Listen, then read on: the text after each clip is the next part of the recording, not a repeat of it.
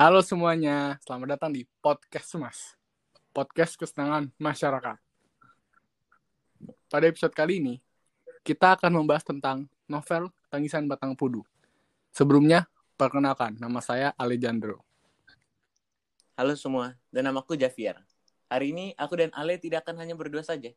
Kita akan membahas novel ini bersama tamu spesial kita, Rafienza Maila. Halo. Hai semua, halo, aku Maila. halo. Hai Maila. Oke guys, sebelum pembahasan ini dimulai, podcast Mas ini disponsori oleh Sido Muncul, yang merupakan suatu perusahaan jamu berstandar farmasi. Pastinya kalian pada tahu dong, salah satu produknya itu adalah tolak angin. Iya, Sido Muncul adalah produsen jamu terbesar dan termodern di Indonesia dengan pangsa pasar terbesar untuk kategori produk jamu tradisional. Mereka memiliki lebih dari 300 jenis produk yang sangat akrab dan dekat dengan konsumen Indonesia. Tolak angin dan Koko Bima Energy adalah salah satu dari produk unggulan Sido Muncul yang telah dikenal selama puluhan tahun. Oh iya, jangan lupa ya teman-teman, kalian semua bisa mendapatkan produk-produk dari Sido Muncul di toko terdekat. Jadi jangan sampai kehabisan ya. Nah, sekarang mungkin kita sudah bisa mulai pembahasan kita mengenai novel Tangisan Batang Pudu. Sebelum kita membahas lebih dalam, mungkin kita bisa membahas latarnya belakang latar belakangnya dulu. Jadi, buku Tangisan Batang Pudu itu ditulis oleh Musa Ismail. Musa Ismail lahir di Karimun pada tanggal 14 April 1971. Beliau pernah menjadi wartawan Riau Pos. Beliau memiliki hobi untuk menulis baik fiksi dan juga non-fiksi. Beberapa buku yang sudah beliau terbitkan di antaranya adalah kumpulan cerpen yang berjudul Sebuah Kesaksian, novel Tangisan Batang Pudu, novel Lautan Rindu, dan masih banyak lagi. Novel Tangisan Batang Pudu mencoba mengangkat kisah yang berbau kritik sosial. Hal yang digambarkan oleh penulis ini adalah regresi sosial yang tidak dapat dihindari. Dalam novel ini, penulis menggambarkan seorang karakter, yaitu Tuah, sebagai sosok yang berjiwa sosial Nah. tinggi. Kalau kalian mau tahu, novel ini tuh ditulis dengan latar belakang pencemaran lingkungan oleh perusahaan di Sungai Batang Pudu. Novel ini diambil dari fakta yang diliput oleh surat kabar harian Riau Pos mengenai pencem- pencemaran li- limbah di sungai.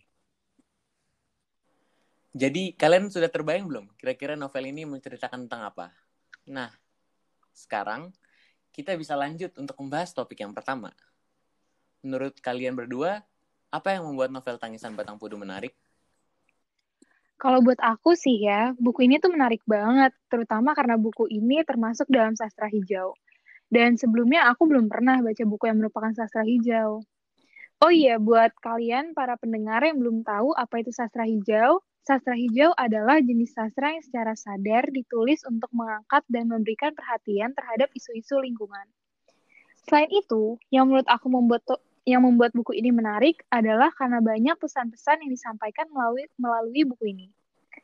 Dan karakter dari buku ini juga menarik banget loh buat kalian para pendengar yang tertarik untuk baca buku ini. Jadi aku sih menyarankan banget buat para remaja untuk membaca buku ini. Karena bukan hanya alur ceritanya yang menarik, tetapi juga buku ini memberikan pesan yang sangat bagus. Bener banget sih. Pesan-pesan yang ada di buku ini bermakna banget. Sama, oh iya, tahu nggak sih? Buku ini melibatkan suku Sakai.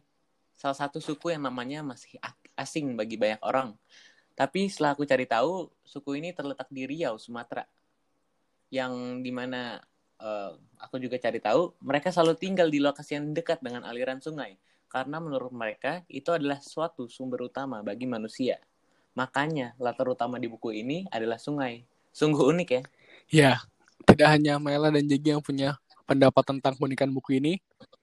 Kalau menurut aku sendiri sih, buku ini adalah buku yang mengajarkan dan juga men- menyadarkan kita akan pentingnya alam untuk hidup kita. Dan karena saya membaca buku ini, saya bisa jadi lebih tahu tentang kerusakan alam di Bengkalis. Yang sebelumnya saya tidak tahu Bengkalis itu di mana. Dan ini bisa membuat saya harus mencintai alam. Terlebih lagi, terdapat cukup banyak konflik di dalam novel ini, sehingga pembaca tidak bosan ketika membaca novel ini. Banyak juga tokoh yang terlibat dengan konflik yang membuat cerita penuh dengan elemen kejutan. Menurut kalian berdua, bagian yang paling menarik dalam buku ini bagian apa? Kalau kita bahas nanti spoiler dong. Eh, tapi nggak apa-apa deh. Kan kita semua juga udah baca.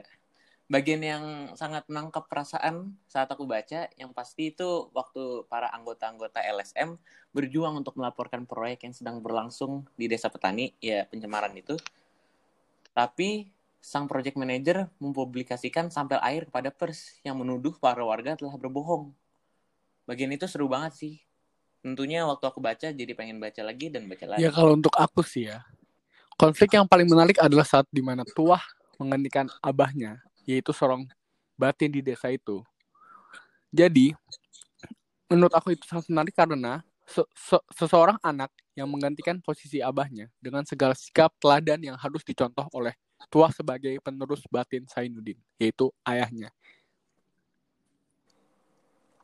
Nah, kalau buat aku sih ya, bagian yang paling menarik itu ketika perusahaan yang melingkar di desa petani terus menggerogoti kehidupan warga kampung sehingga mengakibatkan kerugian dan kemudian tua pun menjadi penengah.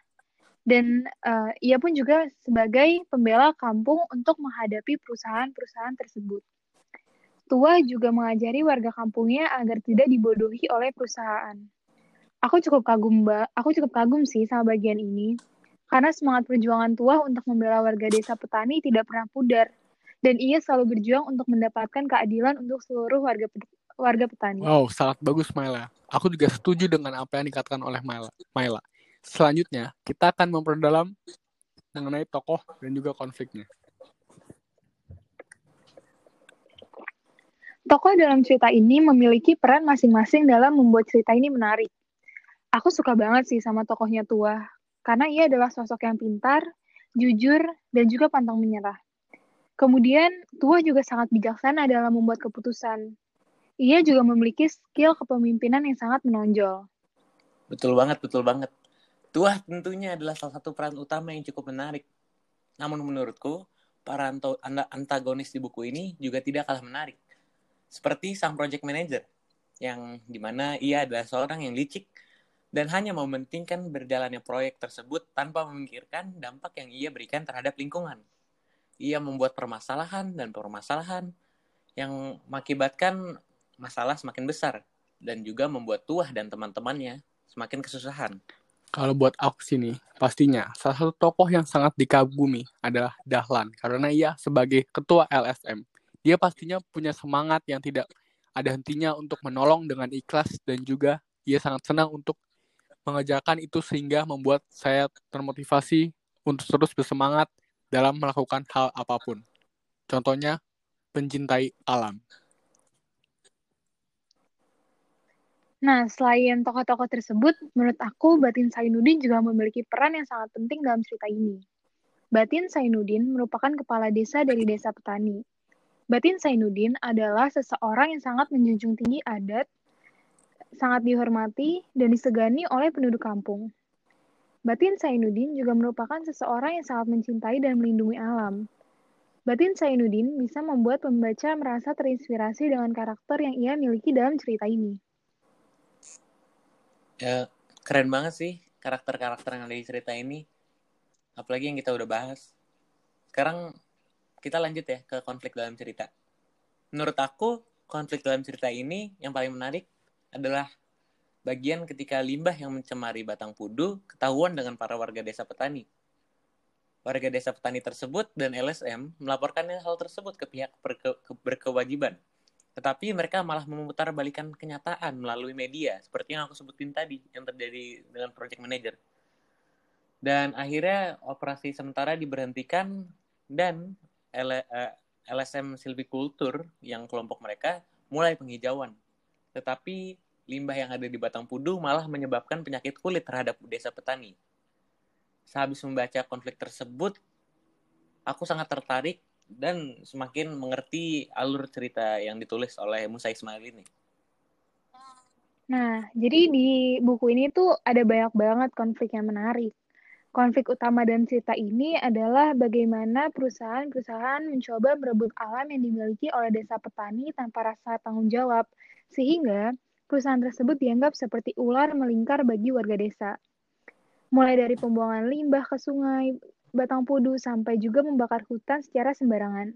Hal seperti inilah yang dilakukan perusahaan sehingga memicu banyak konflik Nah, dengan ini warga aku sangat setuju dengan apa yang Mela katakan bahwa konflik utamanya adalah di saat perusahaan sudah mengeksploitasi desa mereka untuk kepentingan perusahaan. Seperti contohnya digunakan untuk sebagai lahan kelapa sawit dan juga karet. Dan akibat itu kejadian ini membuat para warga menjadi kekurangan. Kemudian uh, konflik di mana Zulaika menolak Dahlan ketika Dahlan meminta Zulaika untuk menjadi istrinya juga cukup menarik sih menurut aku. Oh iya, benar. Karena konflik, iya karena konflik ini tuh menambah warna dari cerita. Di antara konflik-konflik sosial yang terjadi, konflik ini memberikan pembaca suasana yang baru sehingga terdapat unsur lain selain masalah sosial. Kemudian, cara penulis mendeskripsikan ekspresi karakter dalam konflik ini juga memberikan kesan yang mendalam Nah, kepada para terakhir pembaca. nih yang mau kita bahas itu adalah tentang pesan moral dari novel ini. Kalau men- menurut aku nih, pesan yang ada dalam cerita ini adalah menjaga lingkungan bukan hanya angan-angan, tapi tindakan. Jika kalian ingin turut menjaga alam, kalian juga harus ada niat dan pastinya harus kita lakukan. Jika hanya berbicara dan tidak ada aksi, sama saja. Ya tidak ada hasilnya. Aku setuju banget juga nih sama Ale. Cerita ini memberi pesan kepada pembaca bahwa sudah banyak sekali alam kita yang dirusak. Maka dari itu, kita sebagai manusia yang membutuhkan alam untuk ke- kehidupan kita harus menjaga dan juga melindungi alam, bukan malah merusak. Lalu tidak hanya itu, bisa dilihat dari cerita ini bahwa Tuah, Batin Sainuddin, dan anggota LSM Silviculture menjunjung tinggi kebenaran. Bahkan mereka rela untuk berjuang dan mengutarakan suara mereka walau terkadang tidak didengar, agar mereka mendapatkan keadilan, dan yang terpenting adalah mereka berjalan di jalan yang benar. Bener, bener, bener. Aku setuju banget sama Ale dan Maila yang disebutkan dengan ya kita tuh kalau mau memiliki alam kita harus menjaganya.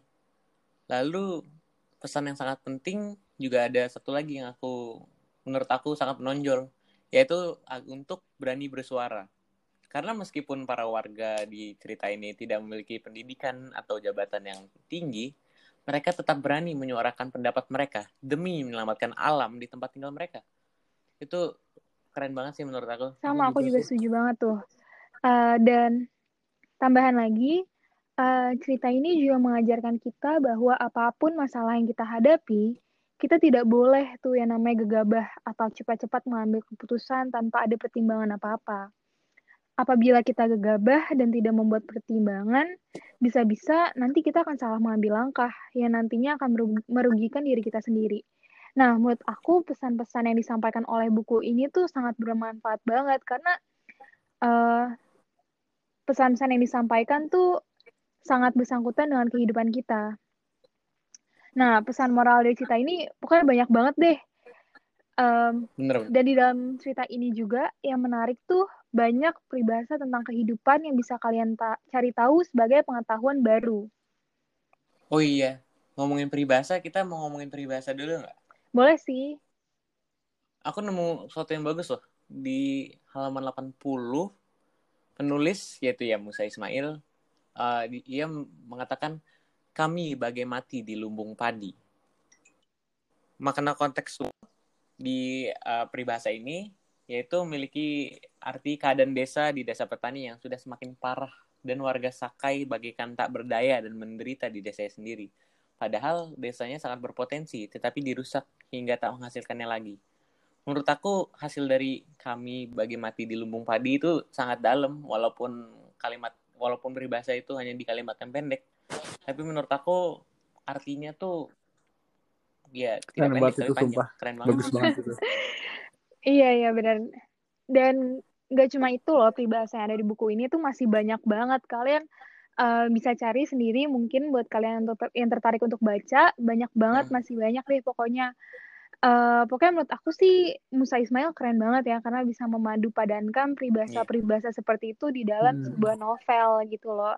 Dan uh, menurut aku ini bisa jadi pengetahuan baru sih buat uh, para pembaca karena aku sendiri pun nggak tahu banyak peribahasa gitu loh dan dari buku ini aku jadi bisa belajar banyak dan jadi lebih tahu banyak tentang peribahasa-peribahasa apalagi peribahasa-peribahasa ini tuh memiliki arti eh, yang eh, bertentang yang sesuai dengan kehidupan kita gitu loh jadi bisa sebagai kayak em, memimpin hidup kita gitu loh buat patokan hidup gitu buat ya saran juga patokan iya. hidup kita ke depannya tuh gimana iya gitu benar-benar bagus juga nih ya iya benar-benar Aku juga nemu lagi nih peribahasa yang lain.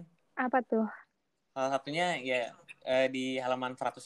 Ini mungkin kalian udah pernah dengar, tapi keren aja gitu bisa diselipin dalam bukunya. Kacang lupa akan oh kulitnya. itu udah oh sangat ya, Iya, itu sangat familiar banget gak sih orang banyak meng- mengetahui Mm-mm. itu ya kan Arti arti pengetahuan kita Mm-mm. biasa kan tidak tahu diri.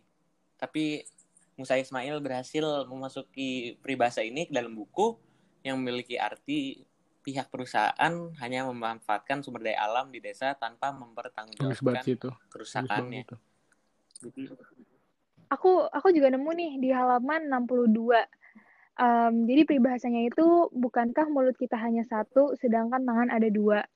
Nah jadi maksud dari peribahasa ini tuh eh, jadi hanya berbicara bu- namun tidak melakukan aksi apa-apa.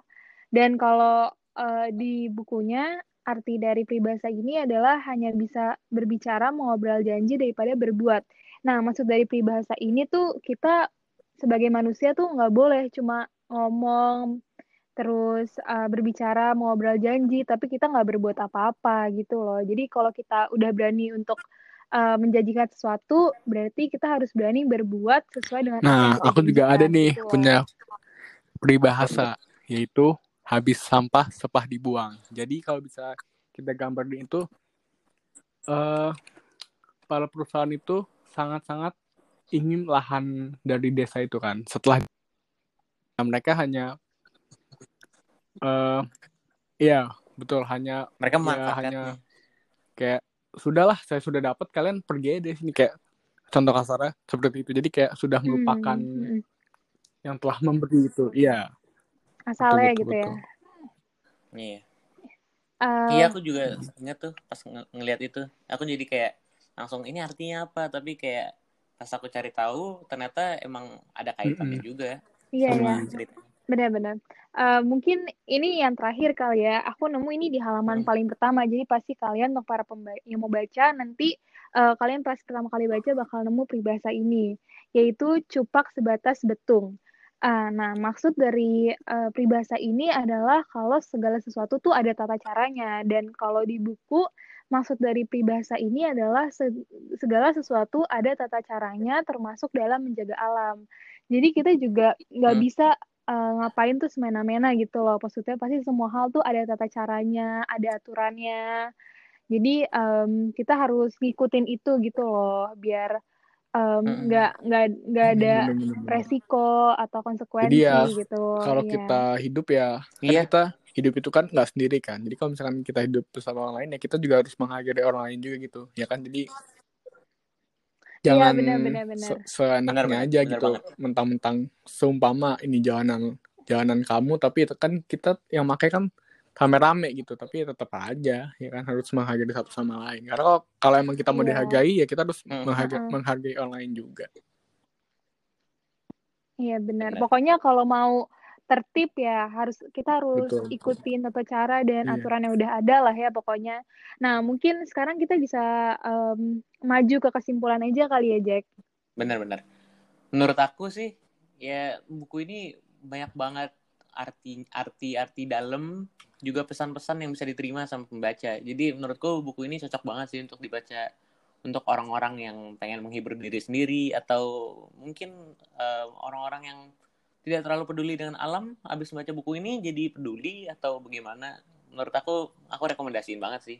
Iya, bener banget. Aku juga sangat rekomendasiin buku ini untuk kalian para pendengar podcast Mas Setia ini untuk membaca buku ini. Karena menurut Eh menurut beneran deh. kita ini, buku ini tuh bisa kayak membuat pikiran kita tuh terbuka akan alam. Jadi tuh alam tuh nggak hanya itu itu aja, tapi banyak dan harus di- dijaga pastinya. Dan Iya. da- Juga dan iya. sampai juga kita Gimana, di penghujung episode ini. Gak kerasa ya, kok cepet banget waktunya sangat berlalu gitu. Iya, cepet banget rasanya Iya. ya. Heeh. Cepet banget. Eh ini kita maka- kita makasih banget loh sama Maila Betul yang udah sekali. ngeluangin waktunya Iya, betul datang ke sekali. podcast Mas ya. Iya, sama-sama. Bisa Sering-sering ya diatur mungkin itu bisa gampang itu. Iya. Gampang.